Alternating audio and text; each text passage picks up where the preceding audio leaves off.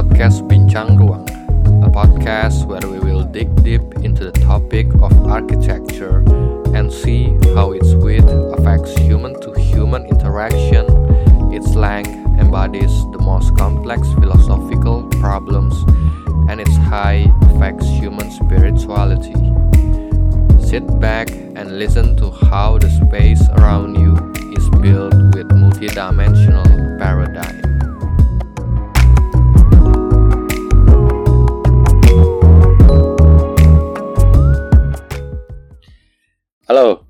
Kembali lagi bersama gua Marco Martinez di podcast Bincang Ruang. Jadi ya seminggu ini ya masih sama. Seminggu ini masih banyak kerja, banyak lembur. paling cepat gue nyampe rumah jam setengah sembilan malam. Itu udah paling cepat. Uh, bisa jam 9, bisa jam 10. Terus ya paling bisa main sebentar, makan, uh, mandi. Setelah makan, setelah mandi itu udah sekitar jam 10, jam 11. Terus ya entertainment sebentar lah, main game atau nonton film satu jam. Udah jam 12. Dan ya jam 12 ya harus tidur lagi dan besoknya harus bangun pagi untuk berangkat kerja lagi. Dan kalau lagi mumet banget ya udah main game atau nontonnya 2 jam, tidur jam 1. Dan kemudian bangun pagi lagi dan menyesal lagi telah tidur malam. Eh, dan bangun pagi dan uh, pergi kerja. Gue nggak tahu ya orang-orang perjalanan menuju rumah ke kantor satu jam itu itu normal gak sih? Itu, atau itu terlalu jauh? Atau itu adalah hal yang normal dilakukan oleh orang Jakarta? Berangkat pergi ke kantor satu jam kemudian pulang satu jam juga. Ah dalam 24 jam 2 jam udah hilang. Tidur 7 jam 9 jam sisanya kerja 24 jam dikurang 9 jam anggaplah 10 jam 14 jam Gila juga ya. Aduh, dan sangat lelah. Terus umur juga udah mulai mendekati 30. dan aduh. Ya ada hal-hal yang mungkin ketika lu bertambah tua itu ada hal-hal yang mungkin tidak dapat lu pikirkan ya tidak dapat lu bayangkan seperti contohnya lu mulai mulai tidak fleksibel lagi dan fisik lu udah nggak sekuat dulu lagi kayaknya dulu mau begadang dua malam tiga malam juga masih kuat. Sekarang udah kayak ya cuman telat tidur satu jam dua jam aja itu udah capek banget. Eh terus ya gue nggak tahu sih kalau nanti udah mulai ada masalah dengan rambut mulai menipis. Dan itu di di masa di mana media sosial itu saat umum dan tiba-tiba mulai mengalami kebotakan dan dan harus mulai insecure untuk selfie, untuk foto, untuk ngepost foto di media sosial, mulai insecure, mulai kebayang nggak seperti itu? lelah banget. Hidup itu. Dan ketika udah bertambah tua ya dulu ketika lulus kuliah mungkin ngebayangin paling serem itu adalah ngebayangin gimana nanti di dunia kerja gitu ya ngebayangin nanti di dunia kerja gimana ya.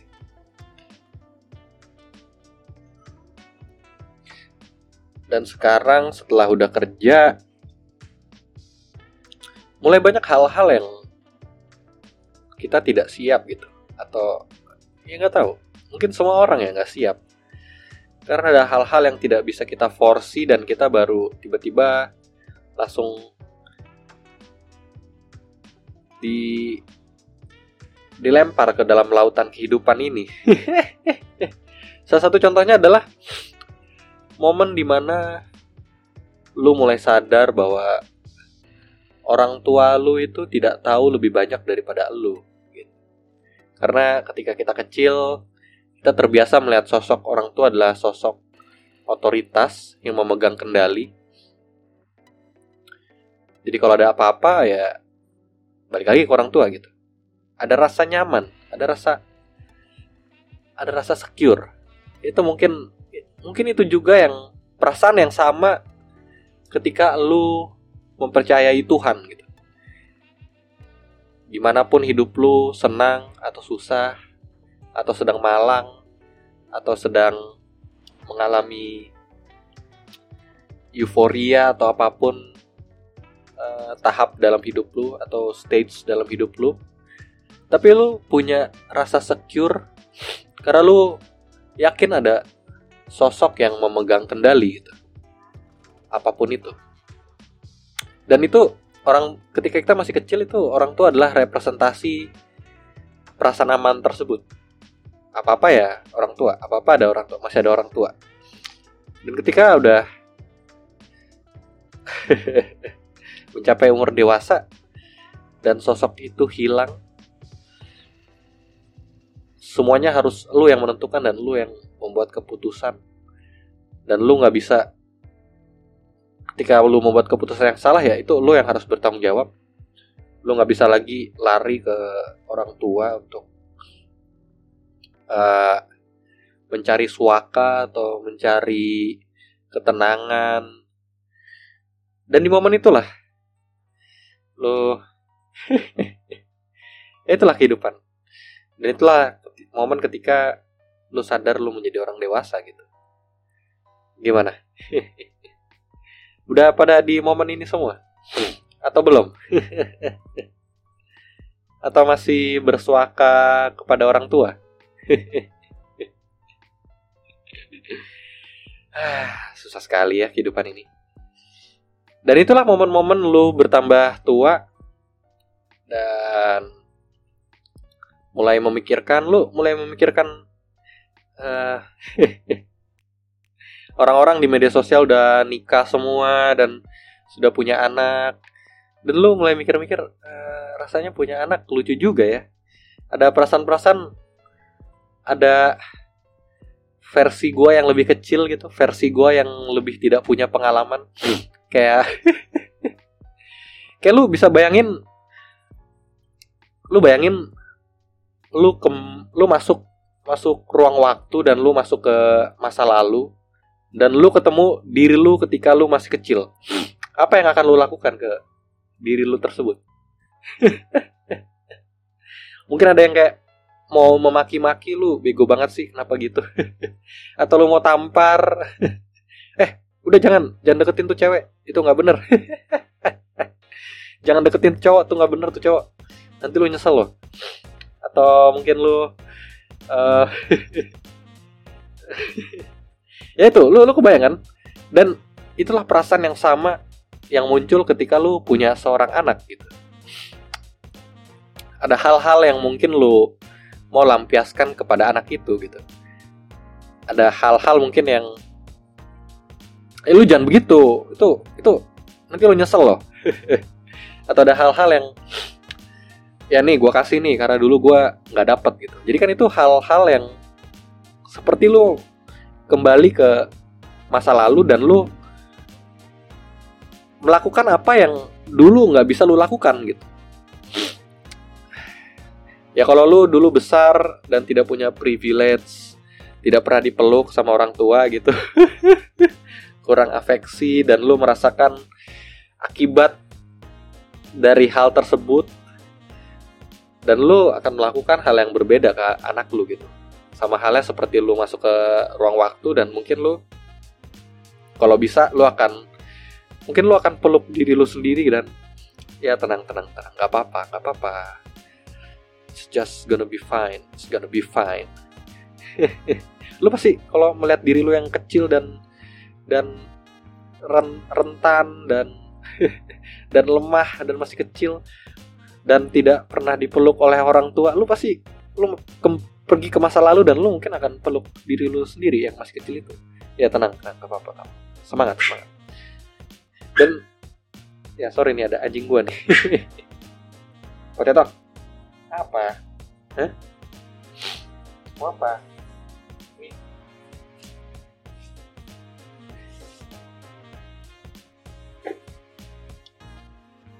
Dan itulah mungkin yang lu rasakan ketika lu punya anak. Lu seperti melihat diri lu sendiri, diri lu yang masih kecil, representasi dari sosok anak kecil dari diri lu gitu. Dan dan itulah gue menemu, mulai menemukan excitementnya punya anak gitu. Karena dulu gue ngerasa ya ngapain sih punya anak? Itu kan tanggung jawabnya sangat berat ya secara finansial, secara mental, secara moral. Dan kalau dipikir-pikir zaman sekarang mau beli rumah aja nggak bisa. Ngapain punya anak? biaya pendidikan semakin lama semakin mahal.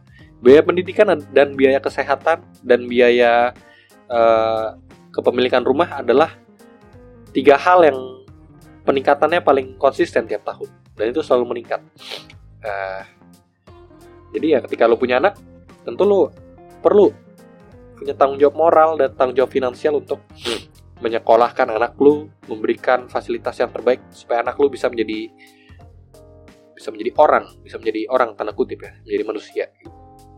Lu nggak mau nggak mau memunculkan manusia yang tidak berguna untuk society di dunia ini kan. Dan lu mau keturunan lu juga lebih sukses daripada lu dan ya lu harus edukasi dia, kesehatan dia. Dan itu adalah biaya yang terus meningkat gitu. Dan ketika lu punya anak kan lu harus mikirin minimal sampai 22 tahun ke depannya gitu. Ya cicil rumah aja 20 tahun aja lu pasti mikir-mikir kan. Jadi punya anak itu ya sama aja kayak ketika lu mengambil keputusan untuk cicil rumah 20 tahun. Lu pasti akan pikir pikir panjang kan tapi banyak orang yang tidak mikir panjang gitu untuk punya anak. Tapi cicil rumah dia pikir panjang. Aneh ya. Dan itulah alasan kenapa gue nggak mau punya anak dulu. Tapi ketika umur bertambah dan mulai menemukan excitement excitement tersebut ya kayaknya seru juga nih punya anak. Rasanya kalau dia lagi lari di padang rumput yang empuk sesekali pengen gue dorong supaya jatuh. Terus gue ketawain. Pas dia nangis. Aduh pengen apa ya? Kadang-kadang pengen membuli gitu. Ya, kamu harus kuat kamu harus kuat nih. Nih papa bully papa bully nih. Kamu harus kuat jangan nangis jangan nangis kamu. Aduh. Dan ya mungkin lucu banget ya. Dan itu ya itulah tentang anak. Dan ketika bertambah tua ada hal-hal juga yang mungkin nilai-nilai kehidupan tentang pria dan wanita yang gue pelajari juga. Oke gue disclaimer gue percaya dengan bahwa laki-laki dan perempuan itu harus equal ya dan itu gue percaya itu karena for the good for the good of the society gitu. kita mau society kita untuk bisa exploit sebanyak mungkin talent sebanyak mungkin uh, bakat-bakat sebanyak mungkin tenaga sebanyak mungkin otak sebanyak mungkin tangan sebanyak mungkin kita mau exploit semua itu supaya society society kita bisa bisa terus berkembang, bisa terus progresif. Dan ketika masyarakat berkembang, itu akan memberikan dampak yang menguntungkan bagi semua orang, bagi semua individu. Jadi gue nggak percaya tuh bahwa ada pandangan-pandangan bahwa perempuan harus begini saja, perempuan tidak boleh sekolah lebih tinggi, perempuan itu kan sama saja undermine sekian persen dari populasi lu gitu. Harusnya nih populasi lu bisa lu manfaatkan 100% dengan kualitas yang 100% juga. Gitu. Lu lu ngerti kan logikanya? ya, jadi gue nggak percaya tuh bahwa perempuan tuh harus lebih rendah atau perempuan itu gue nggak percaya jadi harusnya equal gue percaya itu tapi ada hal-hal yang equal but not the same laki-laki dan perempuan tuh not the same gimana lo lo setuju nggak bahwa laki-laki dan perempuan itu equal must be equal, but not the same. Kenapa not the same? Ya, cowok cowok tuh nggak punya tete. Kita nggak sama. Gue sebagai cowok nggak punya nggak pernah nggak bakal pernah tahu rasanya punya tete gitu. Gimana struggle-nya ketika lu harus berlari dan lu harus menahan beban tete lu gitu. gue nggak bakal pernah tahu hal itu kita emang nggak sama gitu dan cewek tuh nggak bakal pernah tahu rasanya punya penis dan betapa struggle-nya untuk duduk di transportasi publik dan lu harus merapatkan kaki lu. Lu lu lu nggak tahu struggle-nya kan? Dan ada sesuatu yang terjepit di, di tengah kaki lu itu lu lu nggak tahu kan? Makanya jadi persepsinya tuh beda gitu. Antara laki-laki dan perempuan itu dari hal yang basic aja dari hal biologis ya. Itu adalah hal yang paling basic kan dan kalau kita extend lebih panjang secara hormon aja berbeda ada apa perempuan hormon estrogen ya dan laki-laki hormon testosteron dan hormon itu kan mempengaruhi sikap ya, mempengaruhi sikap, mempengaruhi tata laku kita, mempengaruhi mood kita, mempengaruhi behavior kita. Gitu. Dari hormon aja udah beda dan jadi pastinya laki-laki dan perempuan tuh punya tingkat emosional yang berbeda, secara fisik berbeda, uh, emosionalnya berbeda, respon terhadap sesuatu secara emosionalnya berbeda, makanya ada istilah maskulin dan feminin gitu. Dan itu memang berbeda gitu. Dan gue waktu kemarin di kantor ya dan kita makan siang dan gue membawa perkata uh, membawa perbincangan itu gitu. Uh, ada satu teman gue cerita tentang ya dia pernah mengalami kecelakaan dan ditabrak dan jadi dia nggak salah gitu. Jadi dia ditabrak sama mobil motor dia dari samping. Dar gitu. Dan yang mengemudikan mobil yang menabrak tersebut adalah seorang wanita gitu. Dan gue gue langsung nyeletuk. Gue nggak tahu kenapa tapi dari pengalaman gue selama bertahun-tahun gue mengemudi ada mungkin sekitar hampir 10 tahun gue mengemudi di jalan. Dan itu setiap harinya gue bisa habiskan di jalan selama 2 jam gitu jadi gue punya pengalaman yang lumayan banyak dan gue menemukan stereotipikal bahwa gue mengambil kesimpulan bahwa perempuan itu bagian otak motoriknya tuh agak kurang ya dibanding laki-laki ya. lu lu ngerti kan? gue akan coba jelaskan kenapa gue bisa mengambil kesimpulan tersebut ya. Oke, ketika di, jalan ya, di jalan lu naik mobil ataupun lu naik motor ketika lu melihat orang seorang perempuan gitu mengendarai motor atau mobil itu sering kan cerita-cerita yang ada emak-emak bawa motor jalannya lambat sennya ke sebelah kiri tapi jalannya di sebelah kanan. Dan ketika lu menemukan menemukan hal tersebut di jalanan lu pasti akan akan ini gue uh, ini gua, mau gue salib tapi dia sennya ke kiri tapi di sebelah kanan dan pelan pelan ini gue mau salib apa enggak? Kalau gue salib ini gue salah apa enggak?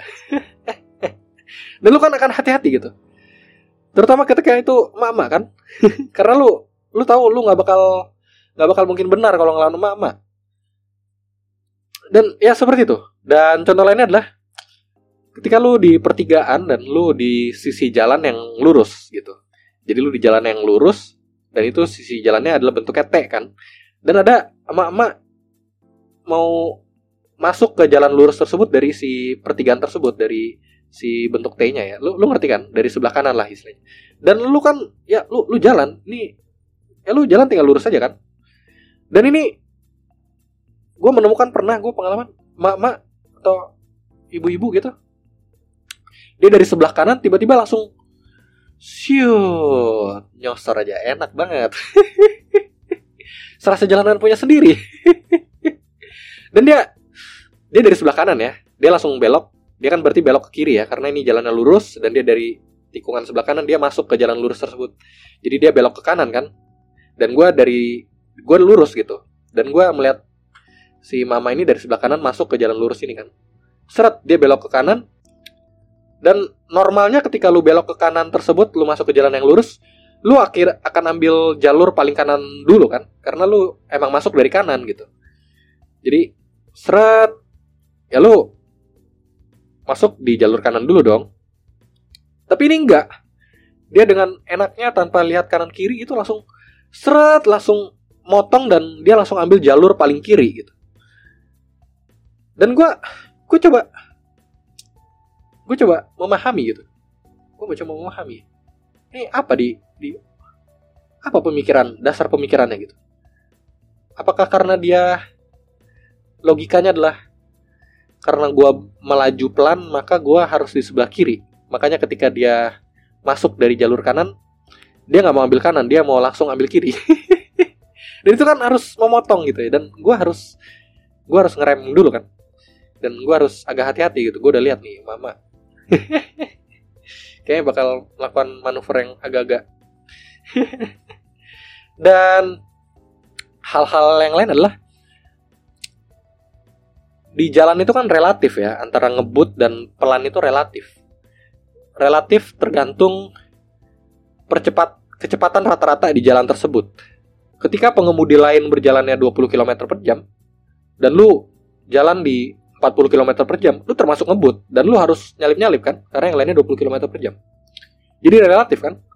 Dan ketika pengemudi lainnya 20 km per jam dan lu jalan 10 km per jam ya lu termasuk yang pelan gitu. Dan semua orang akan nyali pelu gitu. Jadi pengertian ngebut atau enggak itu relatif tergantung rata-rata kecepatan di jalan tersebut kan. Dan gue sering menemukan emak-emak itu jalannya selalu di bawah kecepatan rata-rata gitu. Sering kali gue menemukan. Dan ya itu ya itu haknya dia gitu. Tapi tapi jangan jalan di jangan ambil jalur sebelah kanan ketika lu mau pelan-pelan karena gue gua nggak ngebut gue cuman paling 40 km per jam atau 30 km per jam eh lu jalan 20 km per jam dan lu lihat lah jalan sekitar lu orang-orang pada jalan 40 km per jam gitu. Lu 20 km per jam sendiri lu jangan di sebelah kanan lu sebelah kiri gitu. Itu kan hal-hal yang hal-hal yang apa ya? Kode etik jalan lah. Etika jalan etika bersama gitu. Kesepakatan bersama kan. Ketika lu di eskalator atau lu di travelator juga ketika lu mau diem lu tidak mau berjalan lu sebelah kiri kan. Di sebelah kanan adalah untuk orang yang mau cepat-cepat. Gitu kan? Seperti itu. Dan gue nggak tahu.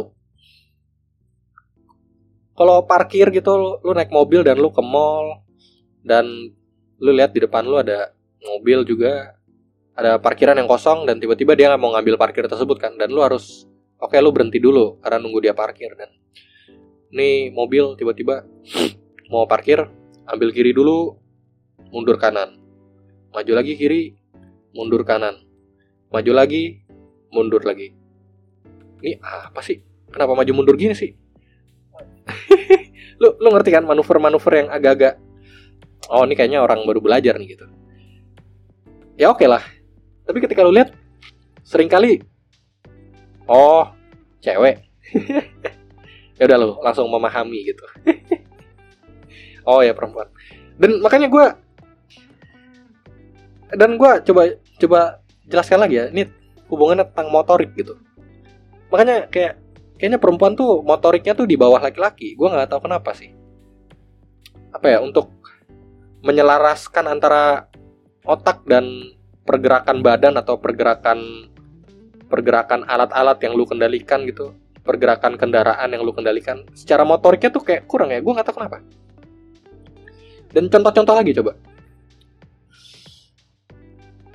olahraga olahraga lu coba ambil 10 orang random laki-laki dan lo coba ambil 10 orang random perempuan.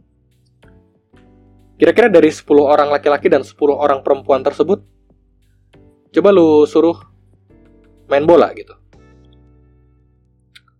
Dan lo akan menemukan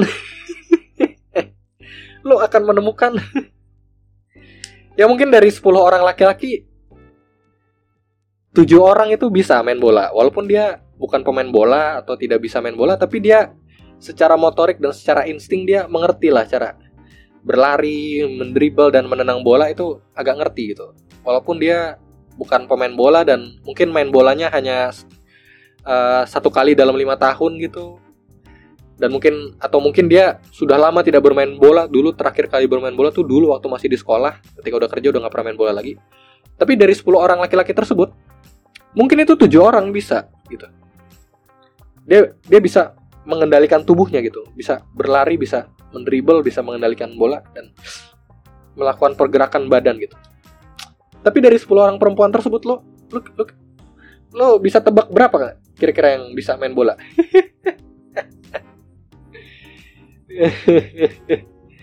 bukan main bola secara profesional dan jago ya tapi hal basic lah kayak berlari atau dribble bola gitu.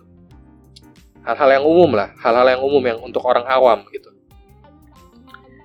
Mungkin hanya empat orang yang bisa gitu. Yang gaya berlarinya nggak aneh atau dari bola bolanya nggak aneh dan yang lain rasanya gerakannya aneh gitu ketika lagi berlari. kayak lu lu pernah lihat kan uh, ya gue ngerti sih karena perempuan kan mungkin dia secara fisik juga punya bagian tubuh payudara ya dan itu membuat dia agak susah berlari gitu ya. Dan ya makanya itu. Jadi gue nggak tahu ya. Itu kan secara fisik, secara fisik memang punya payudara gitu. Tapi menurut gue tuh mempengaruhi cara berpikir, mempengaruhi karena kan gue percaya dengan mind, body, and soul ya bahwa itu menjadi satu kesatuan gitu. Ketika apa yang lu pikirkan itu akan akan investasi ke dalam badan lu juga gitu. Dan dan ya lebih dalamnya lagi keadaan spiritual lu dan lain-lainnya lah itu soulnya tapi kita bicara dengan mind mind and body dulu lah. Jadi itu saling mempengaruhi. Ketika badan lu gimana itu mind lu juga mempengaruhi. Dan ketika mind lu gimana body lu juga akan mempengaruhi akan akan adaptasi dengan salah satu dengan yang lainnya kayak intertwine gitu. Jadi ya gue percaya ya perempuan itu memang punya bagian-bagian tubuh yang yang mungkin nggak laki-laki punya gitu. Dan bagian-bagian tubuh itu membuat perempuan agak susah bergerak agak susah berlari gitu. Yes gue paham struggle perempuan gitu. Dan gue percaya itu mempengaruhi juga cara dia berpikir. Dan itu motoriknya dia di dalam pikirannya dia. Secara motoriknya tuh jadi agak berpengaruh agak uh, lu lu ngerti gak sih? Kayak agak susah bergerak gitu. Udah ada terset di dalam pikirannya gitu. Pergerakan itu agak agak risih gitu pergerakan itu. Uh uh uh kayak gue nggak nyaman nih bergerak ya ya begitulah. Lo ngerti kan? Gue gue yakin itu sih. Dan gue tahu mungkin ini topik yang sensitif. Dan gue akan mencoba akan mencoba memberikan keadilan terhadap topik ini dengan gue akan nanti gue akan membicarakan tentang laki-laki juga ya aspek laki-laki. Karena gue mau membicarakan bahwa kita memang equal tapi kita nggak nggak sama gitu. Not the same uh, apa lagi ya? Hal-hal lain gitu. Yang tentang motorik. Main game. Main game. Game lu ngerti kan? Game PS5 atau PS4 atau Mobile Legend atau PUBG atau main game dalam bentuk apa pun lah. Lu main game di PC atau lu main game di di di HP lu atau lu main game di konsol gitu. Sama halnya seperti yang tadi. Dan ini nggak ada kaitannya dengan lu menggerakkan badan lu gitu. Jadi tidak ada kaitannya dengan fisik lu seperti apa lu mempunyai organ tubuh seperti apa, lu mempunyai bagian-bagian tubuh, apakah lu mempunyai payudara atau tidak, itu tidak ada pengaruhnya gitu. Jadi coba ambil 10 orang laki-laki disuruh. Dan ini lu ambil ya mungkin untuk setara kita ambil anak-anak lah.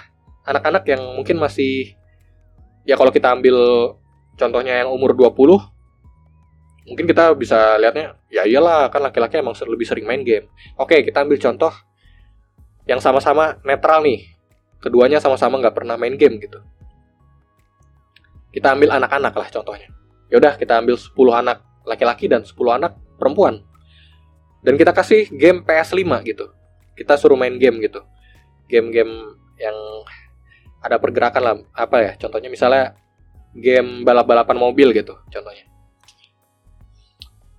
Jadi ini 10 anak laki-laki dan 10 anak perempuan ini baru pertama kali bermain game balap-balapan mobil di PS5. Dan dari 10 anak laki-laki ini lu bisa takar berapa orang yang yang lebih cepat beradaptasi untuk bisa mengerti bisa mengerti mengendalikan mobil belok dan mengendalikan pergerakan mobil ya bergerak ya motorik dari 10 anak laki-laki ini berapa orang yang lebih lebih bisa beradaptasi dan bisa langsung cepat belajarnya, bisa mengendalikan mobilnya dan bisa menguasai permainan game di PS5 tersebut. Dari 10 orang anak laki-laki ini berapa? Dan lu lihat kemudian counterpartnya. 10 anak perempuan ini berapa orang yang kira-kira dia bisa beradaptasi untuk mengendalikan pergerakan mobil ini untuk bisa menguasai permainannya gitu. gue nggak tahu gue nggak punya datanya tapi gue bisa bisa berani bilang dan berani bertaruh jumlahnya mungkin akan lebih banyak anak laki-laki yang lebih bisa cepat beradaptasi untuk menguasai pergerakan mobil di dalam game tersebut gitu lebih cepat beradaptasi gitu motoriknya. Mungkin ya gue nggak tahu. Mungkin kalau ada pendengar yang dari psikolog atau yang mempelajari apa science tentang neural atau syaraf-syaraf otak atau mempelajari ya itulah neural science gitu ya tentang bagian-bagian otak. Mungkin gue nggak tahu apakah ada studinya yang membedakan antara perempuan dan laki-laki secara secara otaknya gitu. Apakah perempuan lebih besar di bagian ini dan memang di bagian ini lebih kurang dan laki-laki lebih besar di bagian ini dan lebih kurang di bagian ini gitu. Gue gue membahas topik ini bukan untuk gue untuk celebrate bahwa emang ada hal-hal yang berbeda antara laki-laki dan perempuan gitu.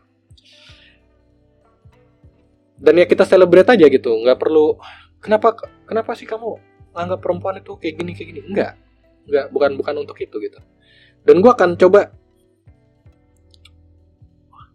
apakah ini seksis atau apa atau diskriminatif terhadap perempuan oke okay.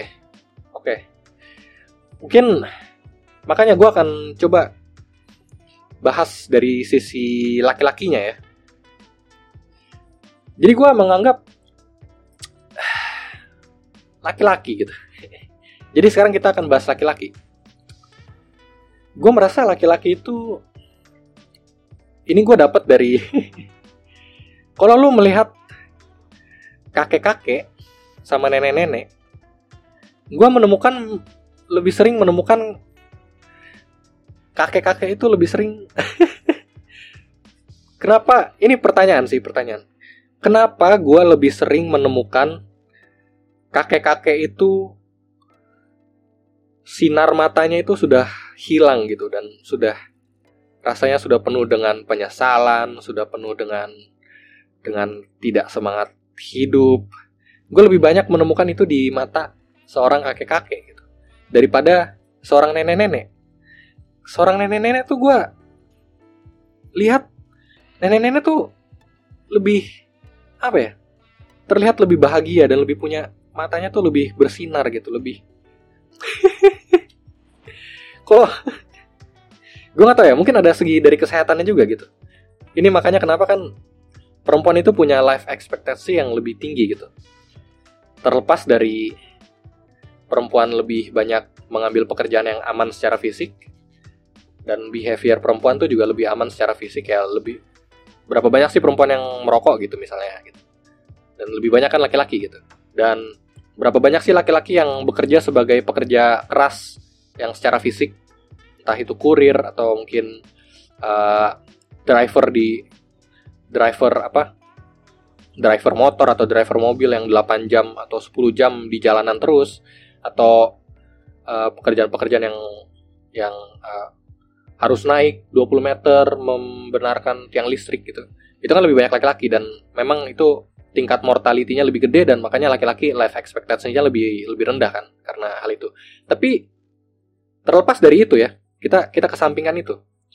Secara fisik pun laki-laki tuh apa ya?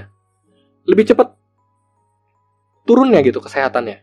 Lebih cepat udah sampai umur berapa tuh langsung langsung turun seperti ini dari jokesnya Bill Burr juga ya kalau kalian tahu Bill Burr stand up comedian dari luar ya dari gua nggak tahu dari mana Amerika apa UK apa dari mana itu ini jokesnya dia gitu. Apa? Beatnya dia. Jadi apa ya? Laki-laki tuh kayak udah sampai titik tertentu kesehatan laki-laki itu akan stagnan gitu.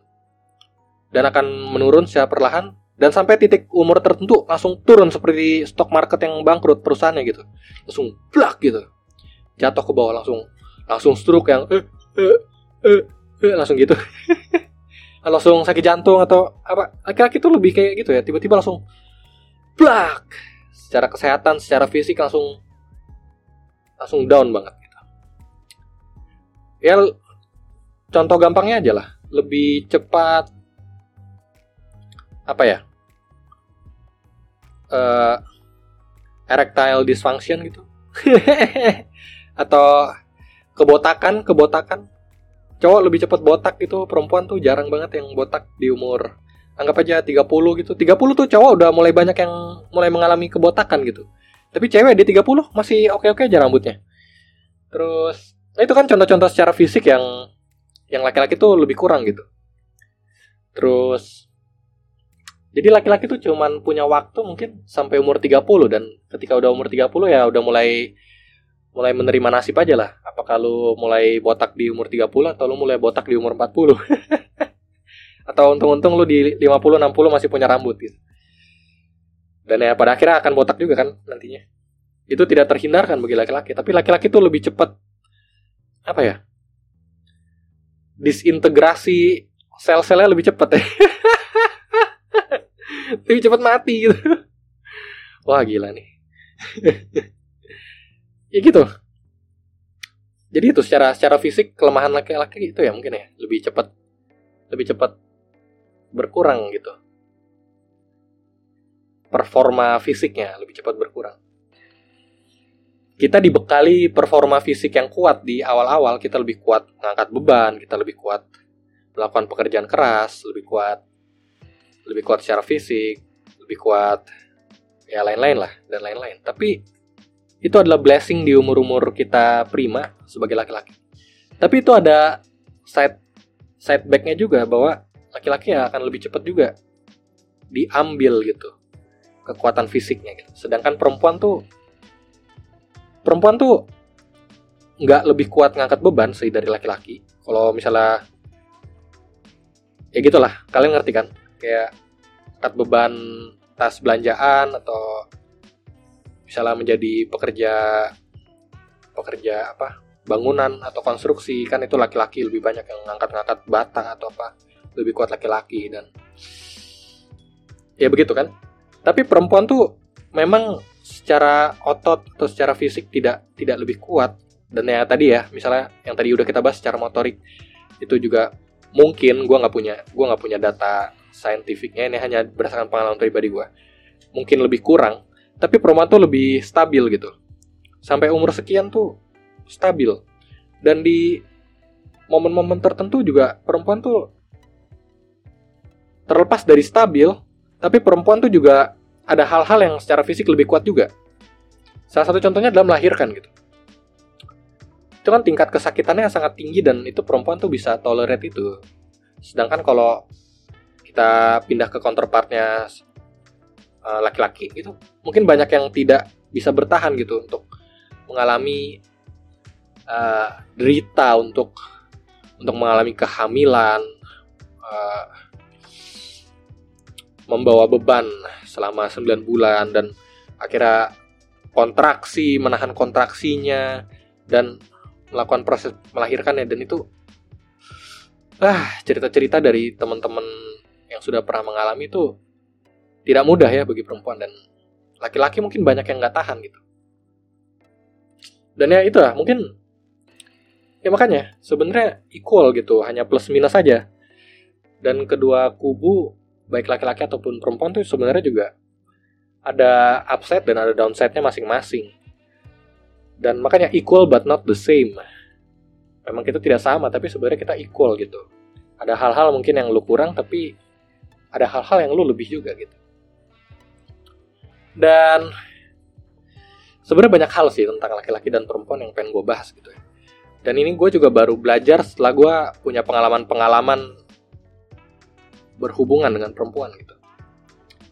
Dalam hal sexual market ya atau apa relationship gitu. Dalam menjalin hubungan kasih gitu. Hubungan pacaran ya. Itu strateginya berbeda antara laki-laki dan perempuan. Dan gue nggak tahu kenapa strateginya berbeda. Apakah memang sudah di wire seperti itu secara biologis atau itu lahir dari lingkungan ya? Gua gua nggak tahu. Itu mungkin perlu ada kita perlu baca-baca lagi ya tentang studi-studinya gitu.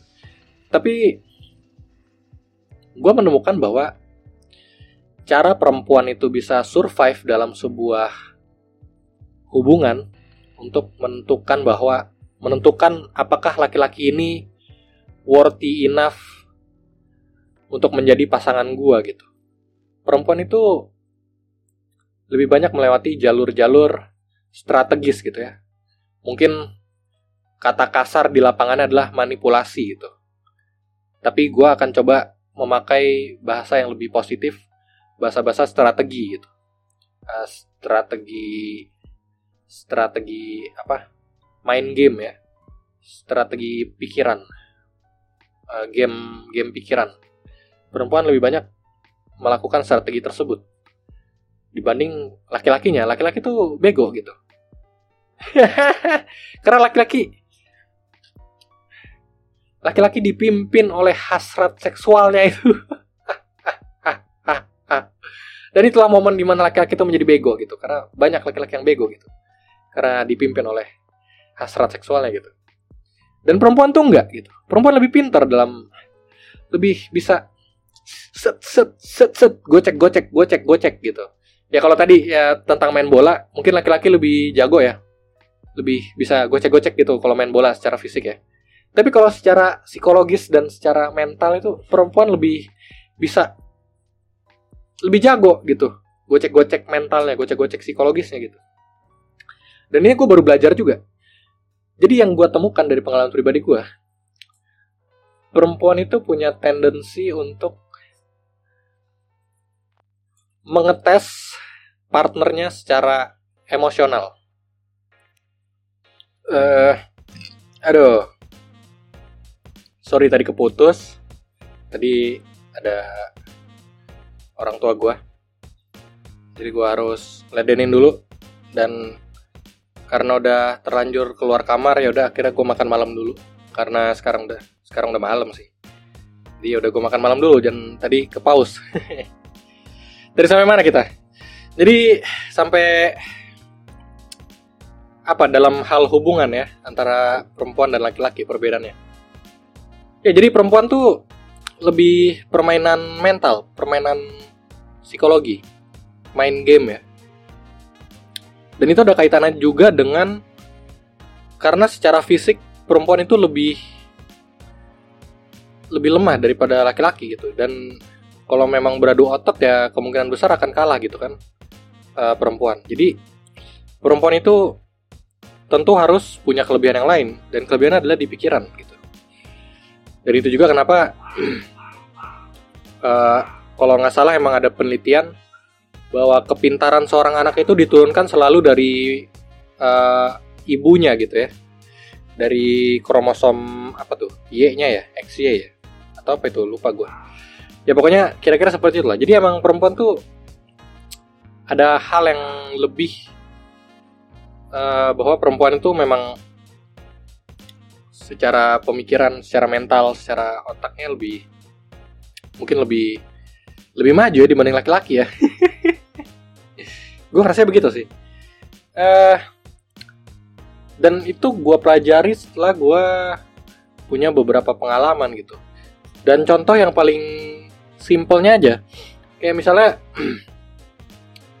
ya kan laki-laki sibuk ya, mungkin kerja dan karena generasi milenial juga ada hal-hal yang perlu dikejar karena dari orang tua juga tidak ada yang diturunkan dan semua harus dikejar sendiri dan sebagai laki-laki itu udah ada itu adalah tuntutan sosial ya bahwa laki-laki emang harus nantinya bisa uh, ya itulah gambaran-gambaran laki-laki lah stereotipikal laki-laki itu yang harus sukses harus bisa menafkahi dan kalau uh, pengangguran atau bapak rumah tangga itu dianggapnya jadi tidak mulia gitu lebih tidak mulia dibanding ibu rumah tangga jadi laki-laki punya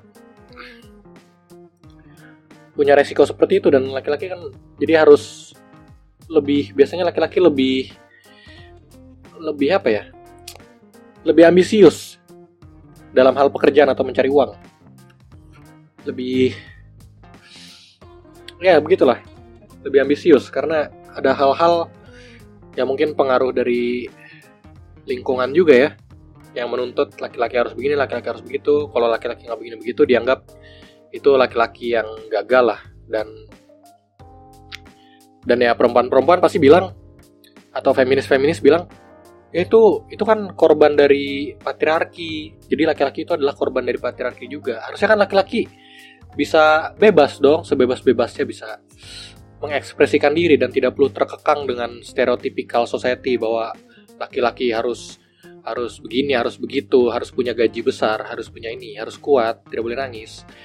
Bla bla bla bla bla. Feminis feminis ya terserah lah feminis boleh ngomong apa. Tapi kita balikin lagi aja. Itu feminis yang ngomong seperti itu Kira-kira dia mau nggak punya pasangan atau punya suami yang sering nangis, punya suami yang gajinya lebih rendah dibanding dia, punya suami yang uh, secara mental tidak kuat.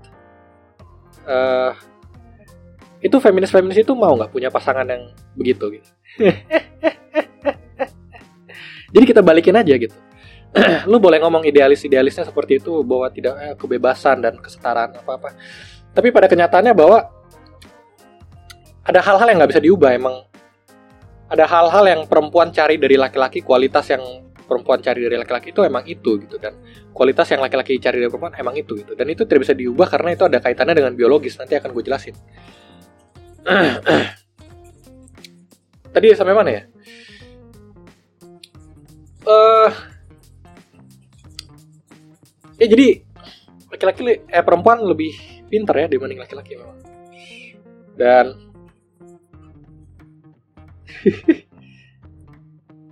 Ini anjing gue ngapain sih? Sangat. Uh, jadi tadi apa? Tentang kromosom tentang tadi sebelum gue ngomongin tentang feminis itu tadi gue ngomongin apa ya? Oh laki-laki kan ambisius ya. Ambisius dan ini.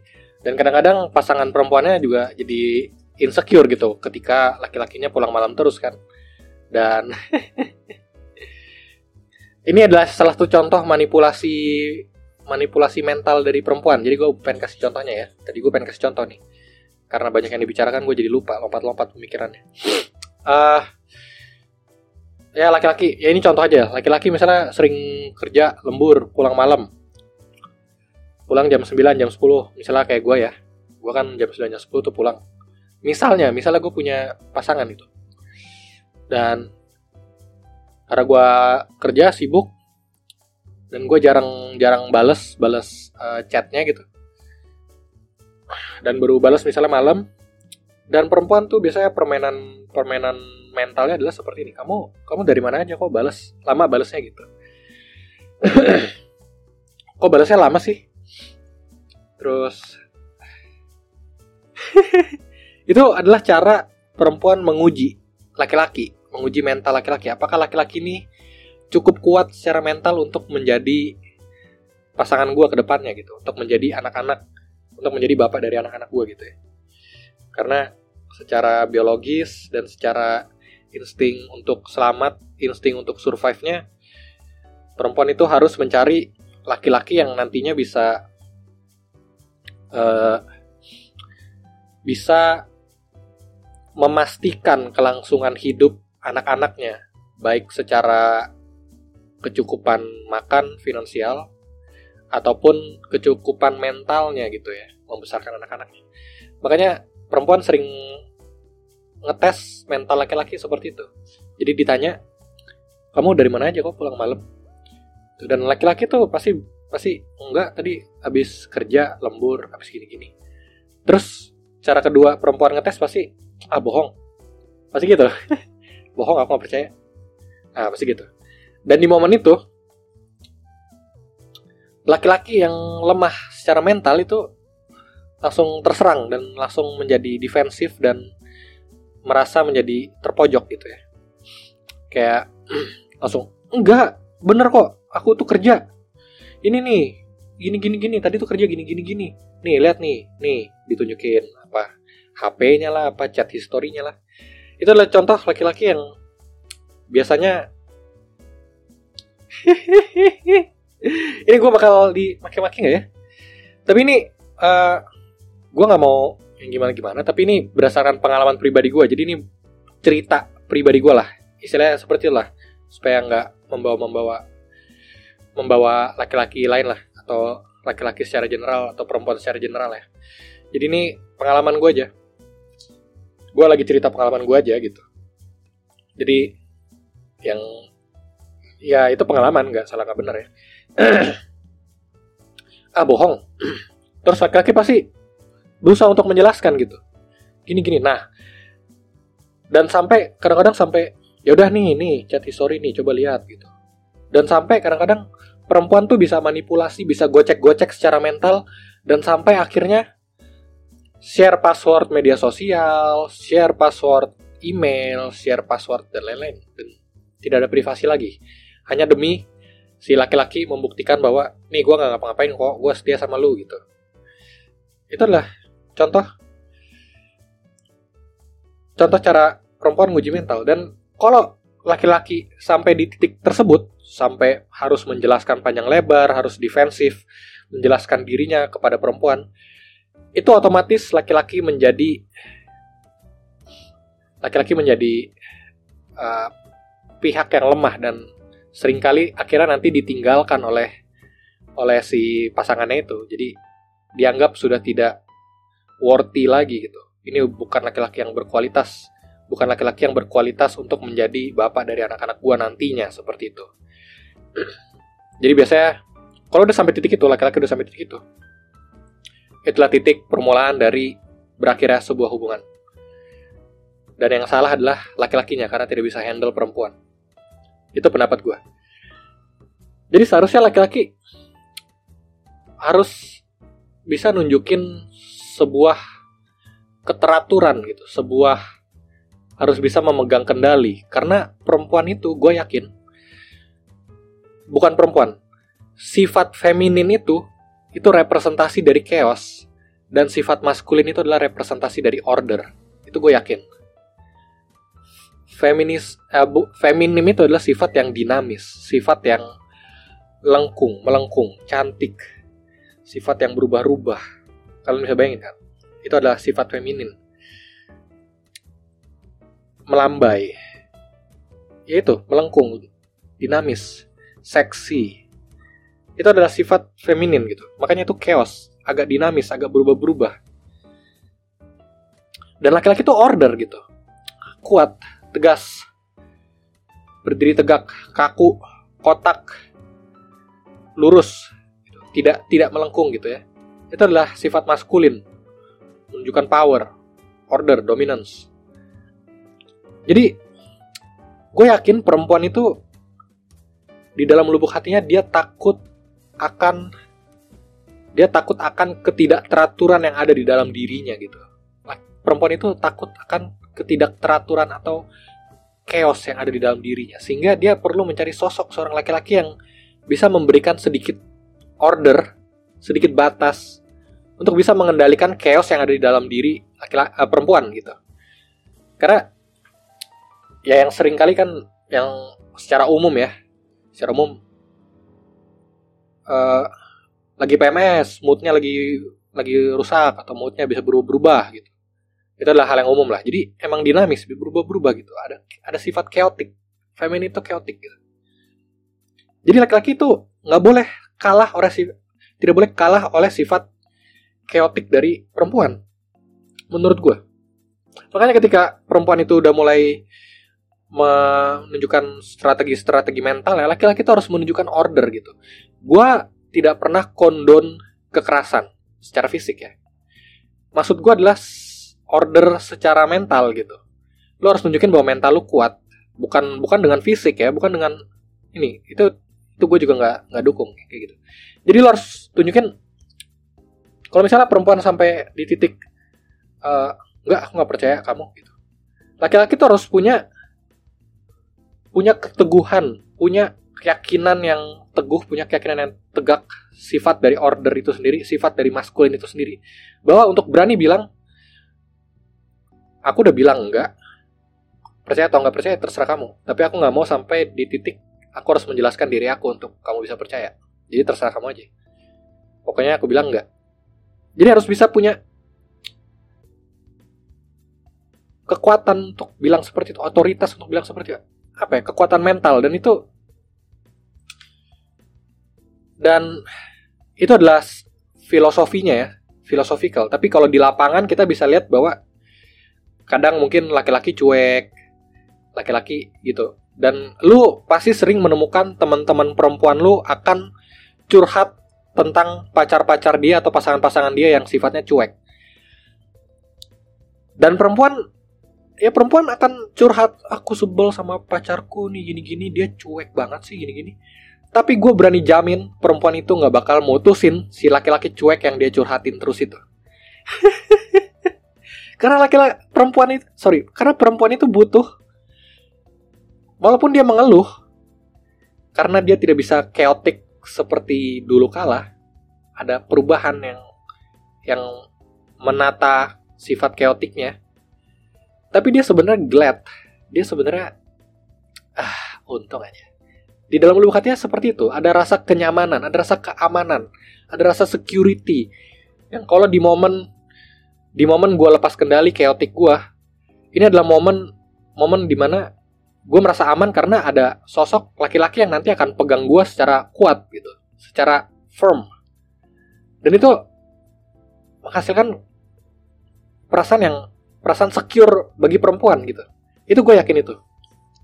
Gue yakin itu. Jadi jadi perempuan bakal curhat-curhat aja ya curhat ke teman-temannya atau ke peersnya atau ke, geng-geng perempuannya atau mungkin kalau dia punya teman cowok satelitnya dia akan cerita ini cowok gue nih gini-gini deh gini-gini gini-gini deh. Dia pasti akan ya udah cerita-ceritain aja terus curhat-curhat aja terus dia mengeluh-mengeluh terus tapi nggak bakal pernah diputusin.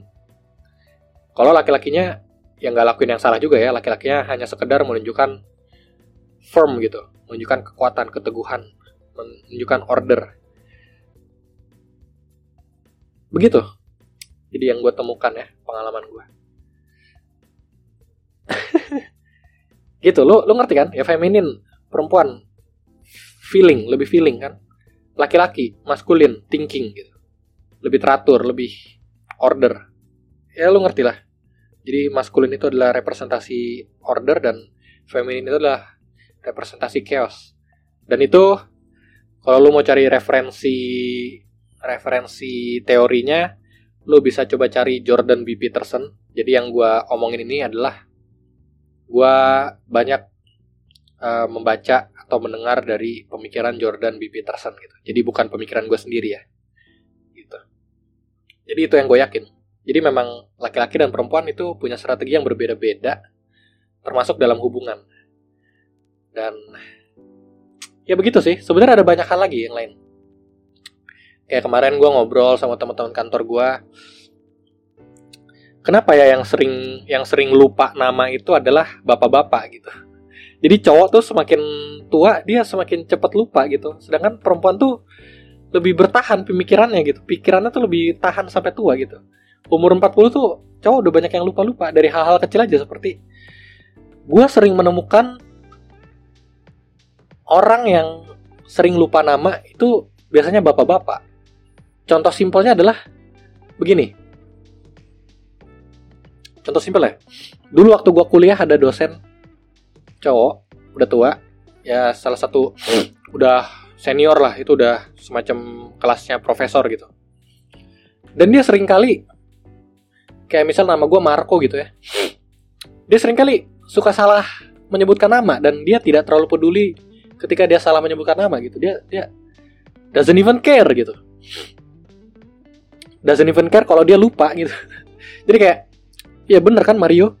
Jadi kita tuh harus begini-begini. Dalam arsitektur kita harus begini-begini. Ya ya kan Mario? Gitu.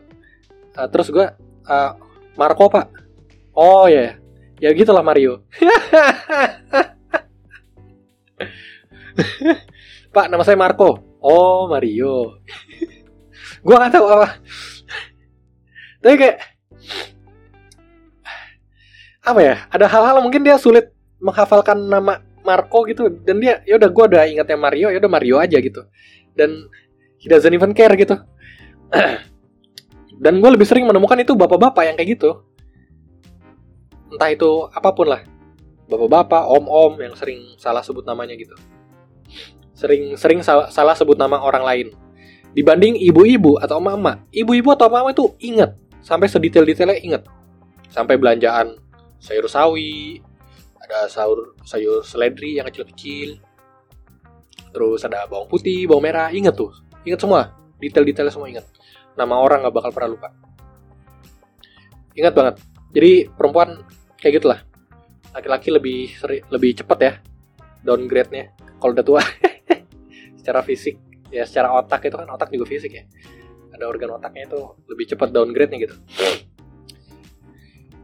uh, ya jadi ya gitu aja sih mungkin pembahasan tentang laki-laki dan perempuan dan perbedaannya. Dan gue percaya bahwa laki-laki dan perempuan punya punya plus dan minusnya masing-masing. Dan gue yakin Tuhan sudah menciptakan perempuan dan laki-laki itu uh, apa adanya dan tidak ada yang lebih rendah tidak ada yang lebih tinggi.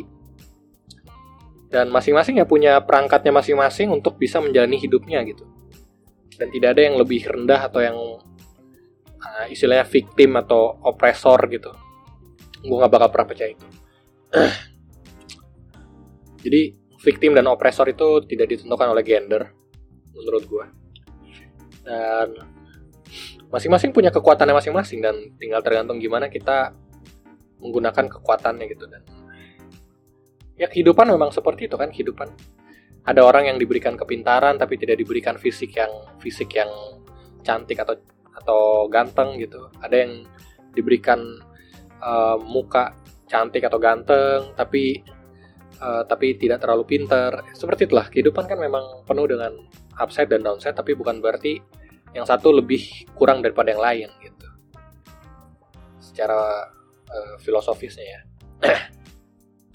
Jadi begitu, gue harap obrolan ini nggak tidak menjadi tidak terlalu menyinggung ya, karena gue sangat mencoba untuk memberikan justice terhadap topik ini. Dan gue harap gue berhasil memberikan justice terhadap topik ini. Karena gue sudah mem memaparkan secara seimbang antara cowok dan cewek.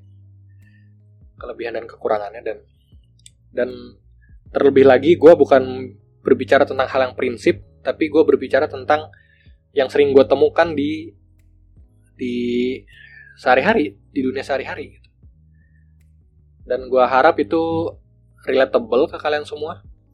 Kalaupun gak relatable ya ya kan mungkin masih banyak faktor ya karena lokasi hidup gue di sini-sini aja circle gue juga itu itu aja. Jadi yang gue lihat ya hanya dunia gue kan. Sedangkan gue gue tahu bahwa banyak dunia lain bukan dunia lain dunia itu ya dunia dunia lain. Banyak dunia di luar dunia gue yang mungkin gue tidak bisa tidak bisa comprehend gitu dan mungkin aja pandangan-pandangan gue ataupun pengalaman-pengalaman yang gue alami sehari-hari itu adalah hasil karena gue sudah berada di dunia ini gitu di dunia gue sendiri. Tapi bisa aja ada orang-orang lain yang punya versi-versi dunianya sendiri yang pergaulannya berbeda karena pergaulannya berbeda tipe-tipe orangnya juga berbeda maka tidak menemukan hal yang sama seperti yang gue temukan itu kan bisa aja jadi banyak faktor. Jadi ini hanya berdasarkan pengalaman dan belum tentu benar gitu. Tidak ada tidak ada studi-studinya dan tidak ada apanya gitu jadi jangan dianggap sebagai kebenaran hanya hanya di ya anggap aja sebagai sharing-sharing aja lah uh, dengan sharing-sharing uh, tentang pengalaman yang selama ini gue alami dan gue rasakan dan gue temukan di jalan di lapangan.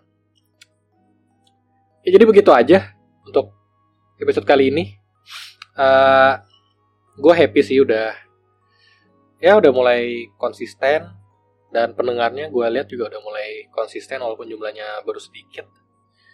Dan oh iya kita uh, gue juga punya kita udah punya satu email yang kita dedikasikan khusus untuk podcast bincang ruang. Kalian bisa lihat di kolom deskripsi. Dan kalau kalian ada pertanyaan atau ada ingin dibacakan di dalam podcast ini atau ada pesan-pesan atau apa pun lu bisa kirim melalui email di podcast bincang ruang at gmail.com dan lu lu bilang aja uh, nama lu siapa dan apakah lu mau disebut di dalam podcast dan apakah pertanyaan itu mau di disiarkan di dalam podcast dan dibincang dibahas dalam podcast ini. Uh, oke okay, sekian itu aja. Dan jangan lupa untuk like dan subscribe kalau kalian mendengar di YouTube dan jangan lupa untuk follow dan share kalau kalian mendengar di Spotify. Uh, that's all for me, from me. Uh, see you next time. This is Marco Martinez signing off. Goodbye.